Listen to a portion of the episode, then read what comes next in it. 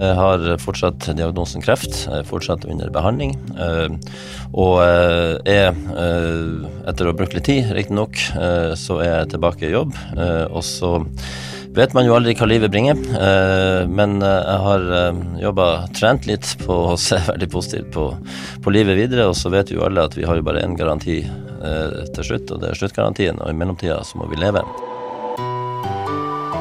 It's a disgrace. Dominere mediebildet. A failing Media pile of garbage. Pause. False and fake, fake, fake, fake, fake, fake, fake. Han er en betydelig medieleder i nord og leder ca. 30 redaksjonelle årsverk. Så måtte han plutselig kaste alt han hadde i hendene. Jan Erik Hansen, velkommen til Pressepodden. Takk for det. Hva det var som skjedde med deg, og hvordan du nå skal komme tilbake, det kommer vi tilbake til straks etter noen ord fra våre annonsører. Sikre deg tilgang på det beste innholdet fra mediebransjen. Bli plusskunde i Medie24. Nå er det én krone for én måned uten binding. Vi ses på medie24.no. Jan Erik, eh, for en kort periode siden eh, så måtte du plutselig hive alt du hadde i hendene. Hva var det som skjedde? Eh, I september i fjor så eh, fikk jeg da brått og jeg må si også uventa beskjed om at jeg hadde fått kreft. Føflekkreft i bakhodet, som etter hvert viste seg også å ha spredning. Og det kom veldig brått og overraskende på, og jeg skjønte alvoret ganske fort. Og det, det innebar at jeg også måtte bare melde fra at jeg hadde andre ting å konsentrere meg om enn jobben for en periode. For jobben er jo ganske oppslukende når du er sjefredaktør. Eh, hvordan var det bare å hive alt du hadde i hendene? Eh, akkurat der og da og umiddelbart så var det faktisk befriende, fordi at eh, det, du, du får brått noe som betyr ganske mye mer eh, når, når det livet det står om. Eh, så, eh, men, eh, men det var veldig spesielt å gjøre det. Men jeg var også inne i et sånn behandlingsløp med flere operasjoner som gjorde at, at jeg hadde ikke hatt, hatt sjanse til å, å stå i jobben. Og så er jeg i den heldige situasjonen at jeg har veldig dyktige medarbeidere i staben, sånn at jeg ba om at Markus Rask Jensen måtte bli konstituert, og styrelederen var helt enig i det. Og dermed så kunne jeg også, som sagt, få lov å konsentrere meg om det som var viktigst for meg der og da. Og så er det jo sikkert noen som, som lurer på hvordan går det med deg i dag? Uh, I dag går det bra. Uh, jeg har fortsatt diagnosen kreft. Jeg er fortsatt under behandling. Uh, og er, etter å ha brukt litt tid, riktignok, uh, så er jeg tilbake i jobb. Og så vet man jo aldri hva livet bringer. Eh, men eh, jeg har uh, jobba, trent litt på å se veldig positivt på, på livet videre. Og så vet jo alle at vi har jo bare én garanti eh, til slutt, og det er sluttgarantien. Og i mellomtida så må vi leve. Og eh, det har jeg virkelig tenkt å gjøre, og er i gang for fullt. Og så eh, er jeg under et eh, kontrollregime som gjør at eh, at undersøkes veldig nøye eh, hver tredje måned. Så eh, hver tredje måned når jeg får god melding, så er livet veldig fint. Og så var du åpen i en kommentar selv eh, på at det er eh, prognoser her som er 50% overlevelsessjanse innen fire år. Hva, hva tenker du om det? Nei, jeg tenker at det er selvfølgelig det var litt brutal beskjed å få, men samtidig så er det, eh, så er det sånn at statistikk den går tilbake i tid. Utviklinga den skjer fremover i tid. Eh, sånn at eh, det skjer veldig mye på, på kreftbehandlingsfeltet som forhåpentligvis får nytte og glede av. Og så er jo her som ellers det er jo to måter å se dette vannglasset på. Eh, 50 er jo også en, en fin sjanse til å ha et godt liv videre. Eh, og så er det jo sånn at eh, sånne livsinngripende ting som skjer, eh, at man trekker noe lærdom av, eh, av det som har skjedd. Hva, hva har du lært i løpet av denne sykdomsperioden og det å komme tilbake nå? Nei, jeg har å si, først og fremst lært meg til å sette veldig pris på livet. Jeg har lært lært meg hva som er, er viktig for meg eh, og eh, mine. Eh, og samtidig så, så Ja, jeg setter faktisk veldig stor pris på livet hver eneste dag. Men jeg har også lært at eh, det utenforskapet som jeg brått endte i Mange jo ramma av korona, og da jeg fikk kreften i tillegg, så, så fra å være en veldig hektisk journalist, unnskyld, redaktør hver dag, så, så var det plutselig, etter en stund da, helt, helt stille. Men eh, jeg har lært at eh, arbeidslivet er også en viktig del av livet, og at eh, arbeidsplassen er en, en virkelig en fin plass å være sammen med dyktige kollegaer og få lov å stå i det oppdraget man har, et veldig stort privilegium som, som jeg virkelig også har lært meg å sette pris på. Så det er også grunnen til at jeg valgte å gå tilbake for fullt til jobben jeg hadde. Ja, for det er jo kanskje lett å si at liksom man, man får et uh, livet kanskje litt i et nytt type perspektiv, og, og, sånn at man får andre prioriteringer. Kanskje man ønsker å gjøre andre ting, ha mer fritid og sånne type ting. Men du, du velger å, å stå i sjefredaktørrollen? Ja, jeg gjør det uh, fordi at jeg syns den er så givende, uh, og den gir meg så mye. Uh, organisasjonen vil selvfølgelig klare seg, og klarte seg helt utmerket uten meg. så tror jeg fortsatt at jeg har noe å bidra med. Og, og, jeg kjenner jo Jeg har på mange måter kjent den jobben som jeg kaller et slags kall, fordi at vi har en så viktig rolle å spille i, i lokalsamfunnet, i lokaldemokratiet og disse si, honnør, honnørordene som ikke bare er honnørord, men som faktisk gir mening. Så, så, for meg var det fantastisk godt å komme tilbake, være blant kollegaer, sitte sammen eh, på morgenmøtet, utmeisle ideer og tenke på hva vi skal fylle dagen med i dag, og hva vi skal tilby folk i Bodø og distriktene rundt eh, fremover også. Så, eh, men jeg er her nå, og så enn så lenge så står jeg på. Du kan ta pressemannen ut av redaksjonen, men uh, du kan kanskje ikke ta, ta deg ut av det? Liksom. Ja, ja. Nei da, det, det, hva som du ser fremover, det vet man jo ikke. Jeg begynner å bli en, en voksen mann, i alle fall hvis du ser på alderen. Så, uh, men, uh, men jeg lever i nuet, og lever veldig godt i nuet, og syns jeg, jeg er på et veldig godt sted akkurat nå. Vi sitter jo nå i eh, Avisa Nordland eh, sine splitter nye lokaler. Eh, Pga. korona har dere ikke hatt muligheten til å liksom flytte inn og, og, og, bruke det først nå. Rundt oss nå så er vi i TV-studioet. Vi bruker faktisk en AN-mikrofon, siden undertegnede er dum nok til å glemme av utstyret.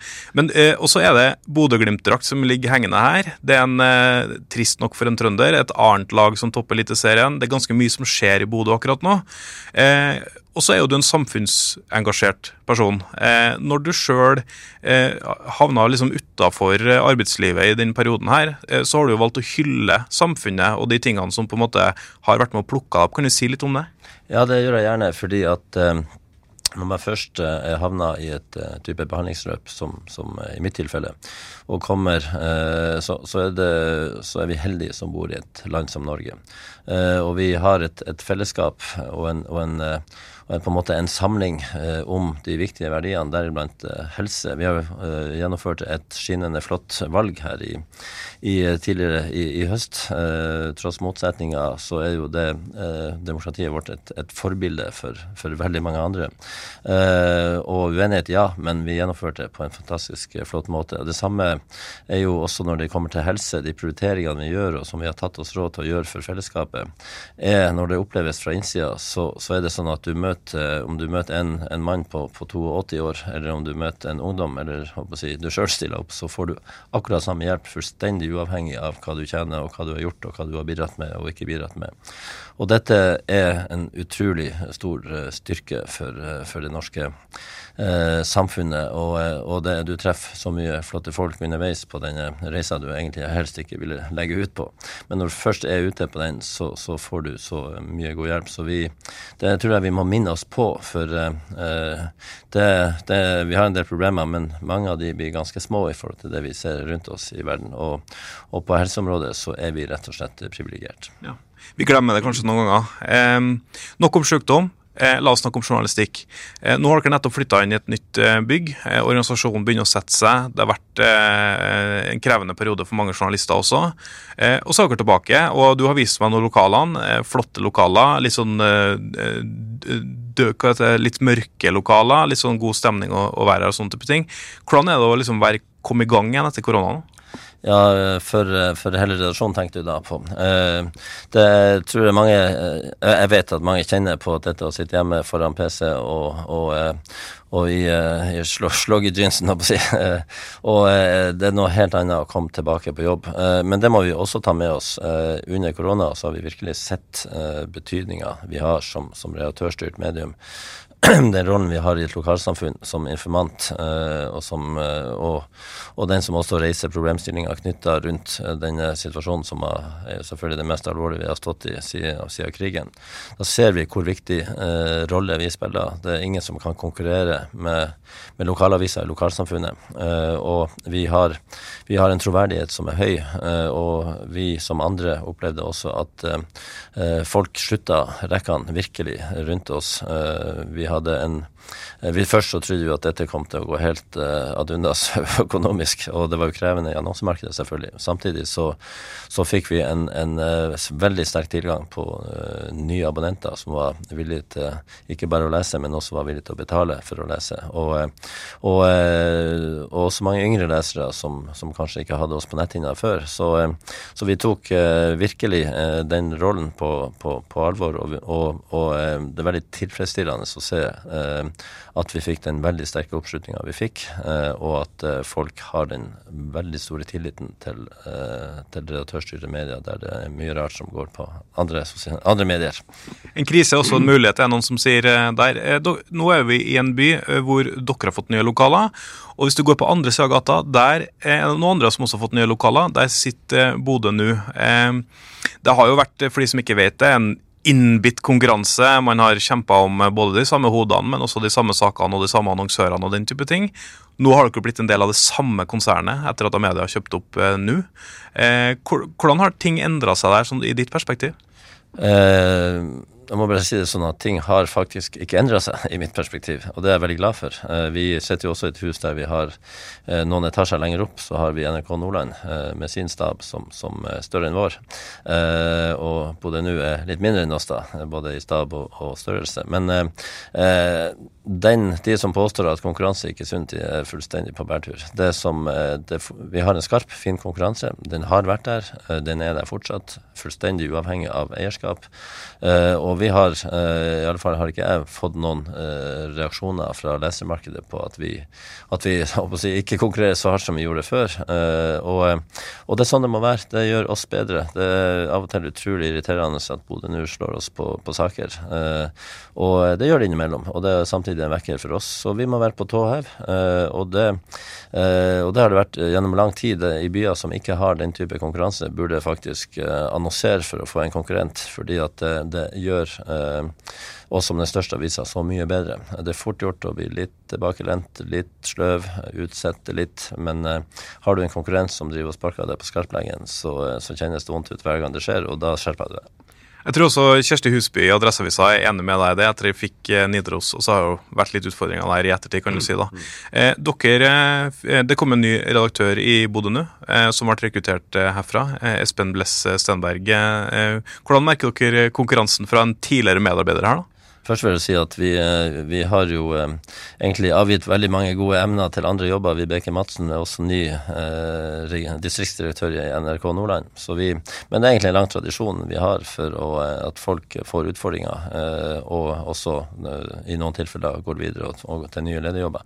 Men tilbake til Espen Bless og Bodø nå, så, så, kjenner jo han vår måte å jobbe på, han kjenner vår metodikk og, og tenkning. Så, så den Men det, det, hadde jo også dyktige redaktører før, deriblant Markus fra Rask Jensen, som jobba her i huset som nyhetsredaktør, og som var min stedfortreder. Eh, sånn at eh, den konkurransen er skarp og fin, sånn som det har vært, heldigvis. Nå diskuteres det ganske heftig i bransjen om rekruttering eh, og få tilgang på, på, nytt talent. Det har jo vært en del utfordringer også. Eh, Nord universitet og journalistutdanninga der har det vært en, en, krise over tid, og så har det kanskje bedra seg litt. Nå kan du si litt om hvordan situasjonen er for dere på tilfang på nytt talent? Eh, først og fremst så er det krevende. Jeg er veldig glad for at eh, Nord universitet er oppe og står igjen med journalistutdanning. Den har vært viktig for, ikke bare for oss, eh, det har vært veldig viktig for, for eh, mediehusene i hele Nord-Norge. Eh, og jeg vet eh, det har vært sånn standard i en del mediehus at, at journalister har kommet ut på praksis og blitt værende i vikariat, for så å bli fast ansatt. Og i enkelte relasjoner kunne du faktisk telle opp en stor andel som kom inn via den veien. det er ikke lett å rekruttere rekruttere journalister eh, i hele Norge, og det er ikke noe lettere i nord. Eh, så igjen, eh, veldig glad for at, at journalistutdanninga er, på plass igjen, oppe og går. Og så måtte det dessverre en nedleggelse til før man skjønte at man måtte virkelig samarbeide tett med bransjen. Eh, forberede, eh, gjøre studiene attraktive, forberede studentene på hva de går til. Og der er jo vi, eh, i likhet med både jeg sitter i styret i Nordnorsk Redaktørforening, vi er på tilbudssida. Vi som bedrifter, Visa Nordland er på tilbudssida. Det samme er Bodø Nu, NRK Nordland og andre mediebedrifter i, i, i Nord-Norge som, som virkelig slutter opp og ønsker å bidra. Og der er det jo satt i gang utvekslingsprogrammer, det er satt i gang mentorordninger. Eh, alle med, med sterk, eh, sterkt engasjement fra, fra mediehusene for at vi alle er kjent med at vi løfter den, den utdanninga. Eh, men heldigvis, vi i Avisa Nordland vi har vært heldige. Vi har hatt, om ikke så mange, så vi har iallfall hatt dyktige folk som har stått klar når vi hadde ledige jobber. Og, og vi har også nå folk i vikariater og engasjementer som, som er veldig flinke og kan gå rett inn den dagen det måtte bli en ledig jobb.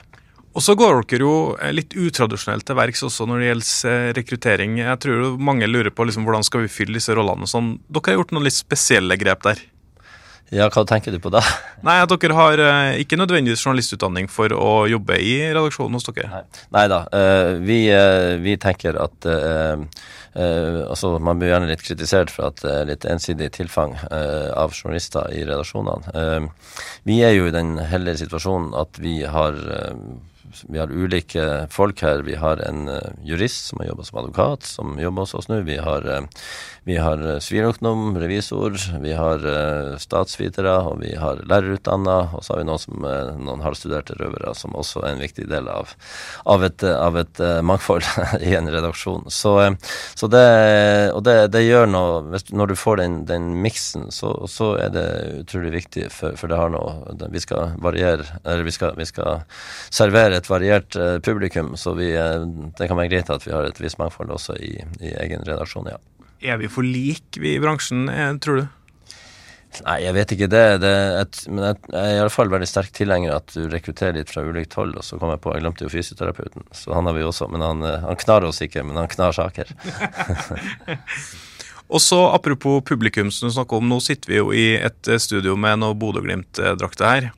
Eh, smasha eh, Roma 6-1, eh, og det er veldig mye oppslutning rundt det. Hvordan er avisa Nordland sin rolle i, i å gjenspeile det ekstreme engasjementet rundt klubben nå? Nei, Det er jo litt sånn eh, med oss som i et ekteskap som eh, hangler og går litt. Vi, eh, vi er til stede i gode og onde dager. eh, Og, eh, og vi har jo, vi har jo eh, alltid eh, sagt at vi skal være best på Glimt. Ingen skal slå oss på Glimt. Uh, og det har jo vært lett og vært uh, enerådende når de befinner seg i stykkene i Obos, men nå er, er det jo en kamp der hele Medie-Norge uh, deltar for å ha den beste dekninga på Glimt, og det er jo veldig inspirerende for oss. Og så ser vi jo at vi hadde rettighetene i fjor. Jeg satt på hytta i, fjor, i ferien i fjor og, og forhandla rettighetene til Europa, og de møtte Milan, og jeg var sikker på at jeg hadde mista jobben, for jeg brukte altfor mye penger. Men det, det betalte seg så til de grader. Og vi, også i år hadde vi rettighetene til, til kvalifiseringskampene. Dessverre ikke til Roma-kampen, det skulle vi gjerne hatt. Men, eh, men eh, vi, vi dekker Glimt på ulike måter. Vi dekker det sportslig, men det er veldig mye som skjer rundt en sånn suksess. Som eh, f.eks. da Roma var på besøk. Det er hotellavtaler som brytes. Det er, det er folk ute på byen og feirer.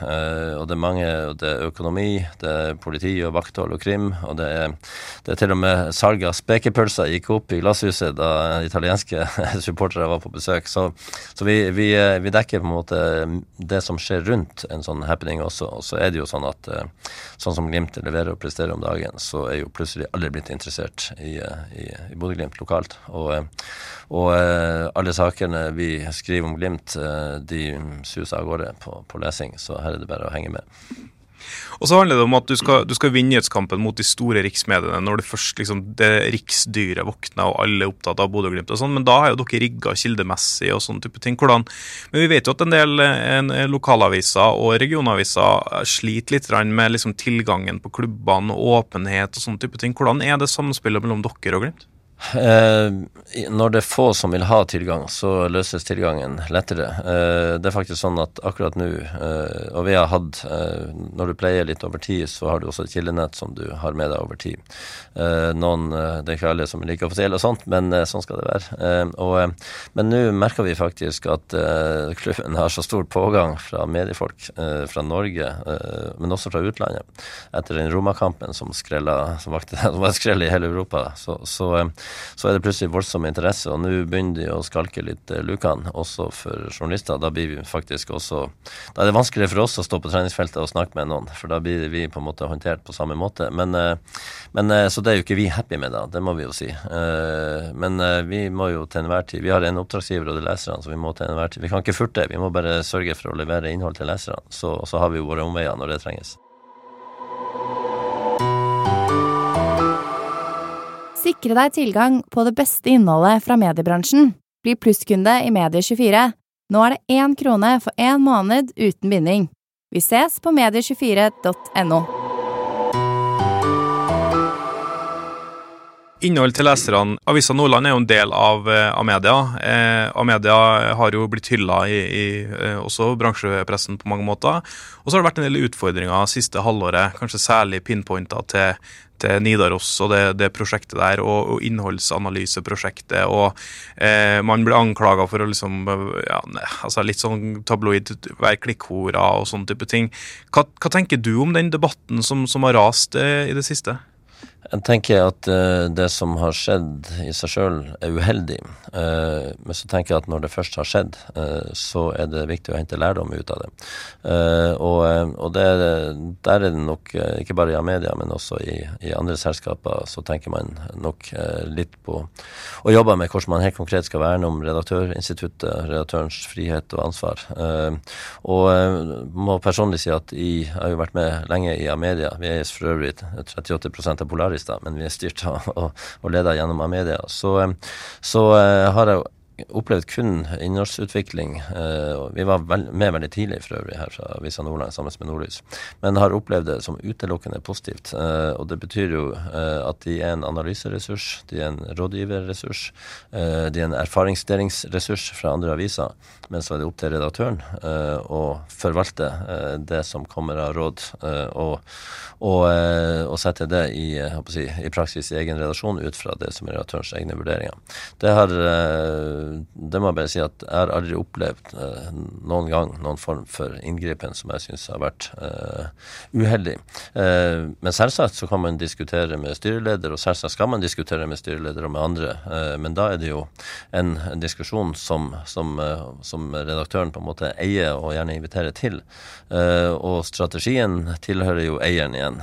Sånn at, at det er viktig å ha en rolleforståelse for både jobben som ansvarlig redaktør, hva den innebærer, eh, men også eh, ha, en, eh, ha en bevissthet hva innebærer jobben som styreleder.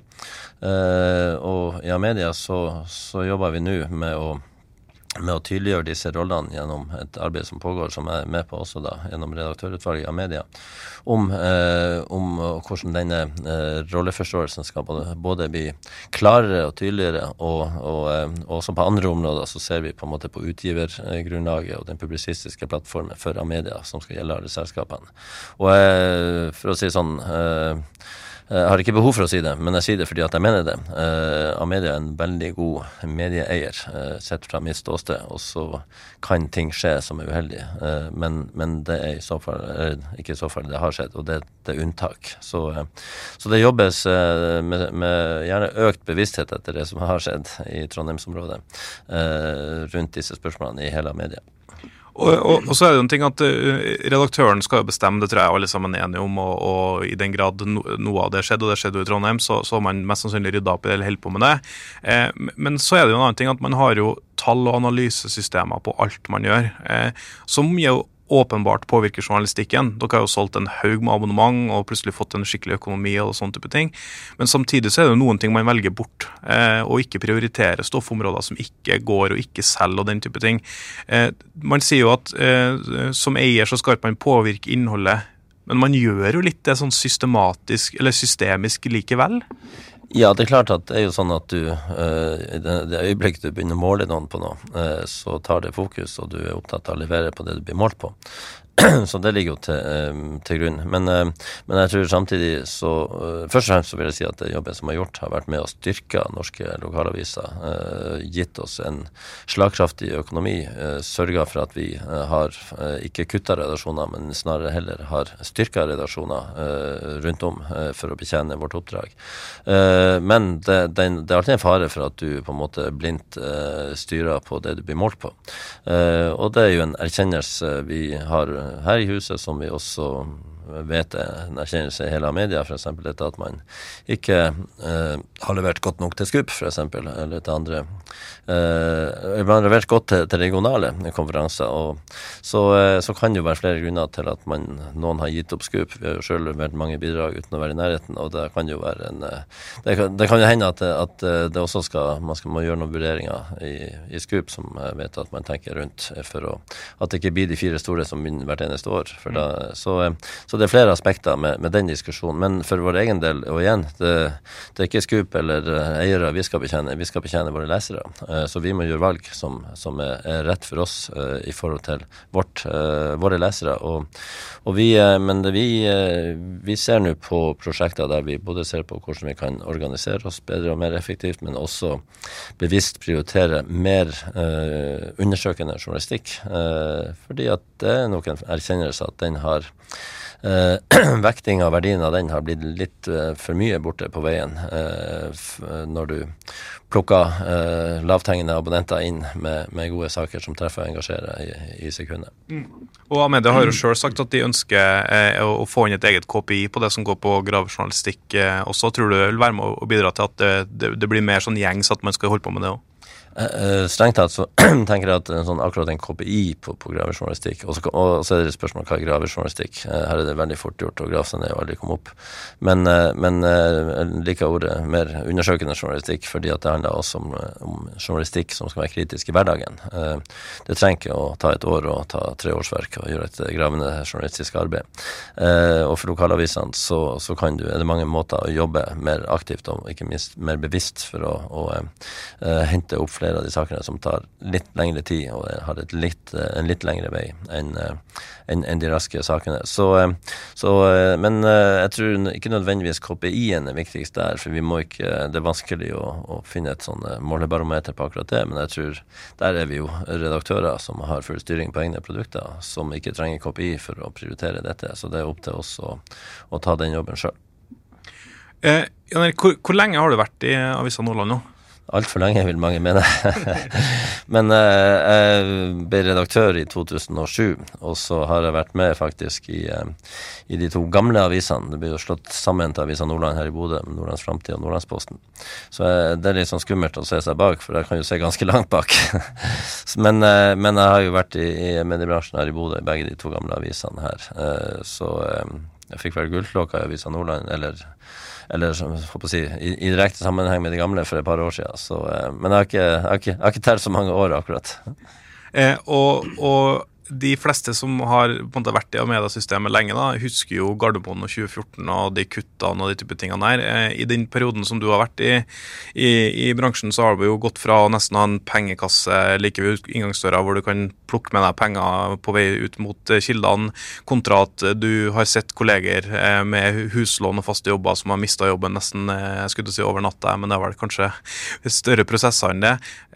Hvor, hvor er vi igjen nå? Hvor er liksom eh, hvor, er bransjen hen? Jeg må bare si det at det var dessverre, hvis du refererte til 2014, det var en, eh, en forferdelig periode, men også en Og der vi eh, måtte opp mot eh, 20-30 av redaksjonen eh, faktisk måtte, måtte sende folk på dør. Og det er, det er den kjipeste delen av denne jobben eh, som jeg har hatt. Det handler om mennesker du jobber lenge med, det handler om mennesker som gjør god jobb, eh, men det handler også om at du har ikke en båt som er i stand til å bære alle. Og, eh, men eh, det var også en eh, veldig nødvendig omstilling, og det Amedia gjorde helt rett, var at man gjorde det veldig kjapt. eh, fordi at den type omstillinger eh, Du mister fullstendig fokus på, på virksomheten hvis du, ikke, hvis du drøyer sånne oppsigelser. Så det var vel sånn at vi, vi bestemte oss til påske og effektuerte til sankthans, eh, og det var helt nødvendig. Men, eh, men eh, ja, i dag er vi jo eh, si, i lykkelige omstendigheter, hvis du misforstår meg rett, eh, i forhold til at eh, denne stiftelsesmodellen kom inn til Amedia. Den, det er en modell som, når Amedia er en særlig stiftelse, er en, i utgangspunktet en veldig god modell. Du skal ikke betale utbytte til eierne, men det har jo også en minusside den dagen du virkelig trenger kapital til å skulle gjøre et større løft, så har du heller ingen eiere å gå til for å be om innskutt kapital. Så derfor er det jo Nå høres jeg ut som jeg, som jeg som sitter i konsernledelsen her, men, men, jeg tror de fleste forstår at det er veldig viktig at vi samler opp eh, en god binge med, med, penger, fordi at eh, det kommer fortsatt til å skje transformasjon i, i mediebransjen, og, og, eh, og der, må, der har media vært veldig aktiv, eh, og det er helt nødvendig. Men da må man ha den kapitalen som skal til for at det plutselig står foran et større løft. Og da må den eh, bingen være god og velfylt. Så heldigvis så drives det veldig godt akkurat nå.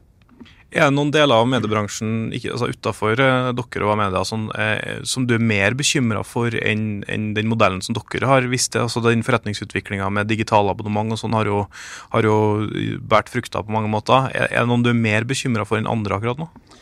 Eh, altså det, vi ser jo at en del sånn typisk eh, familieeide eller privateide virksomheter, gjerne ikke, ikke de nødvendigvis de største, men noen av de mange små, eh, og som ikke har eh, vært i stand eller hatt den ja, samme kanskje forståelsen for at man måtte eh, slippe den gamle modeller av gammel papirtenkning og gå eh, all in digitalt. Eh, det er veldig, Ting skjer så fort, så det er veldig fort gjort å bli hengende etter. Og der er det jo fortsatt noen mindre posisjoner, noen mindre aviser som, som kanskje har noen utfordringer. Men så ser vi jo at f.eks. i Amedia så er det jo noen som får seg sånne EØS-avtaler, der man får betale en inngangsbillett og får tilgang til både innholdsutvikling og, og rådgivning og fellessystemer osv., som gjør at det er faktisk med på å redde et mediemangfold på en del områder, på en del uh, geografier som ellers uh, en fare for at det ville gå tapt. Mm. Når jeg snakker med en del av medieredaktører, så, så du sa jo på, på kødd i stad at det høres ut som jeg er en del av konsernledelsen, men, men, mange av dere redaktørene høres ut som det. fordi at eh, Er det en ekstrem lojalitet til det konsernet? Og, og, en annen ting, du er jo en redaktør som også skal være kritisk til, til alle egentlig av media. altså Er dere nok det? Nei, Det er mulig at vi ikke er det, at vi er lydige hunder. Men jeg tror at eh, den erfaringa som eh, iallfall de av oss som har vært med en stund, har eh, fra vi som, som, jeg vil ikke opp gjennom årene har vært like rosende til av media som jeg er i dag. Og de av oss som har med den erfaringa da vi sto foran stupet, for det var det vi gjorde, og, og, klarte å berge oss, og, klarte, og den samhørighet og en delingskultur, og det er kort vei opp og det er kort vei ned, og det er kort vei sideveis i dette relativt store konsernet etter hvert.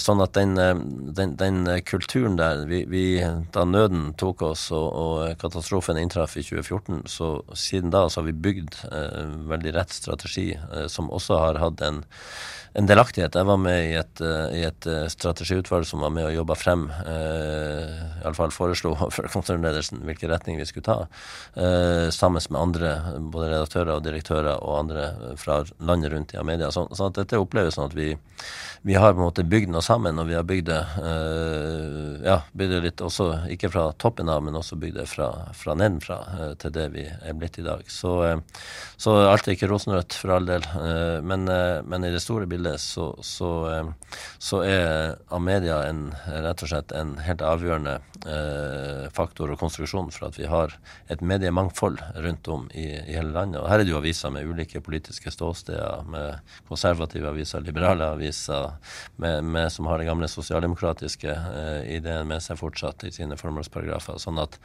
og, og det er også aviser som her som konkurrerer med hverandre.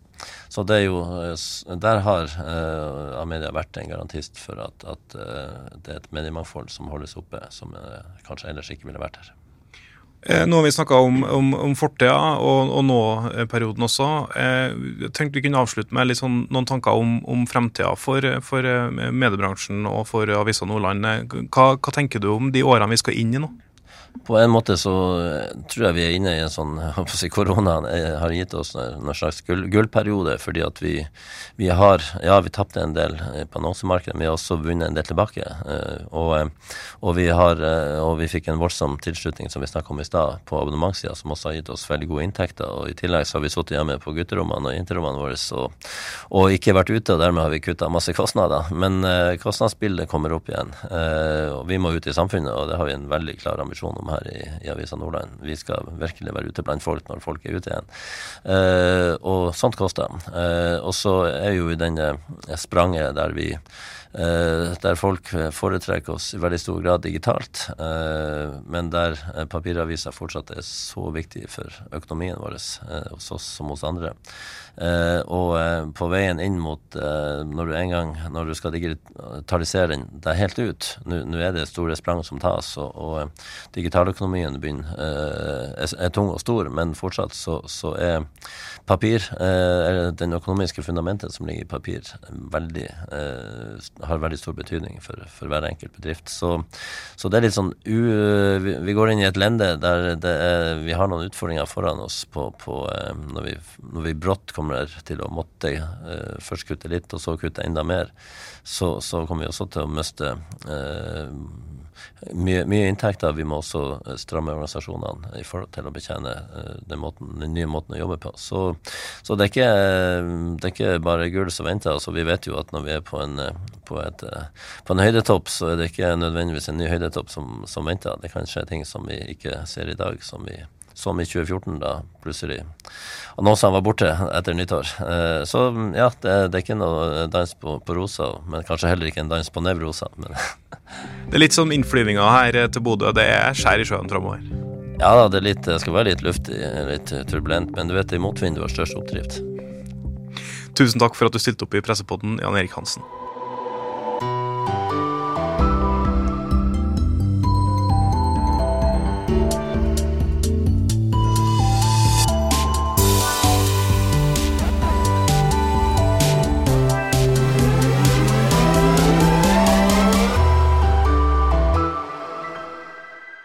Sikre deg tilgang på det beste innholdet fra mediebransjen. Bli plusskunde i Medie24.